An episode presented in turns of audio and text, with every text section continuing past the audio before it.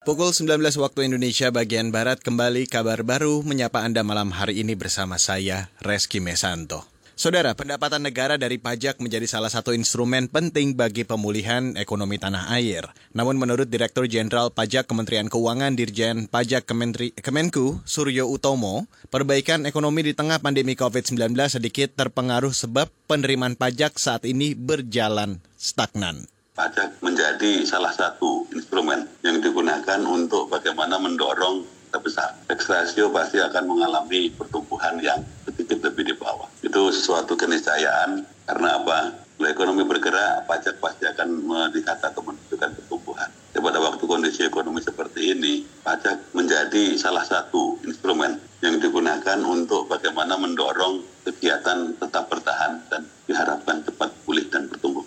Suryo menambahkan pandemi COVID-19 telah menurunkan penerimaan negara. Hingga 30 April 2020, realisasi pendapatan negara baru mencapai 549 triliun atau 31,2 persen dari APBN termasuk di dalamnya penerimaan pajak sebesar 376 triliun atau 30 persen dari target. Berdasarkan data dari Kementerian Keuangan, pertumbuhan ekonomi Indonesia 2020 diperkirakan lebih lambat dari tahun sebelumnya terutama triwulan 2 dan 3. Beralih ke informasi selanjutnya, kepala daerah yang menjalankan politik dinasti di Tengarai membuka peluang melakukan praktek korupsi, kolusi, dan nepotisme. Ini disampaikan Ketua Wadah Pegawai Komisi Pemberantasan Korupsi atau KPK, Yudi Purnomo dalam diskusi virtual soal korupsi dan dinasti politik hari ini.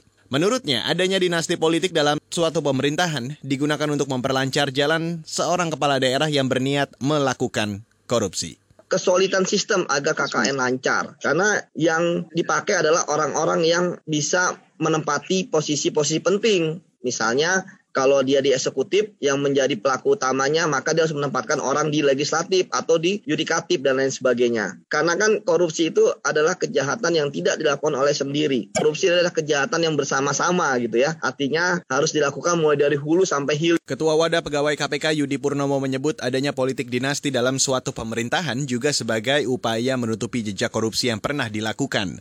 Selain itu, Yudi menyebut dinasti politik juga kerap didukung sebagai bentuk loyalitas para ASN dan pengusaha pengusaha-pengusaha yang berhasil memenangkan suatu proyek pembangunan tanpa tender yang jelas.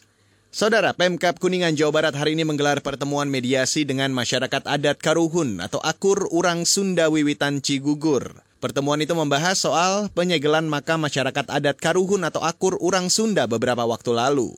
Mediasi itu digagas DPD PDI Perjuangan Jawa Barat dan dihadiri Bupati Kuningan Aceh Purnama dan Oki Satria Jati dari masyarakat Akur. Dalam pertemuan itu disepakati akan dibentuk tim bersama antara Pemkap Kuningan dan masyarakat Akur. Bagi kami silaturahmi itu akan membuka ruang untuk berkomunikasi di mana sama-sama kita rasakan hari ini ke belakang beberapa hari waktu yang lalu ada suasana yang tidak baik di antara hubungan kami ya, dengan keluarga Paseban dan seluruh komunitas masyarakat Akur. Dengan komunikasi ini insya Allah mudah-mudahan banyak hal yang bisa kita gali bersama dan akan menjadi satu titik temu Bupati Kuningan Aceh Purnama menegaskan pertemuan dilakukan untuk menyelaraskan perbedaan sudut pandang. Nantinya akan ada pertemuan kembali untuk menemukan penyelesaian masalah. Pada kesempatan yang sama, Oki Satria Jati menyatakan pihaknya menerima niat baik dari Pemkap Kuningan yang telah membuka komunikasi. Demikian kabar baru KBR, saya Reski Mesanto.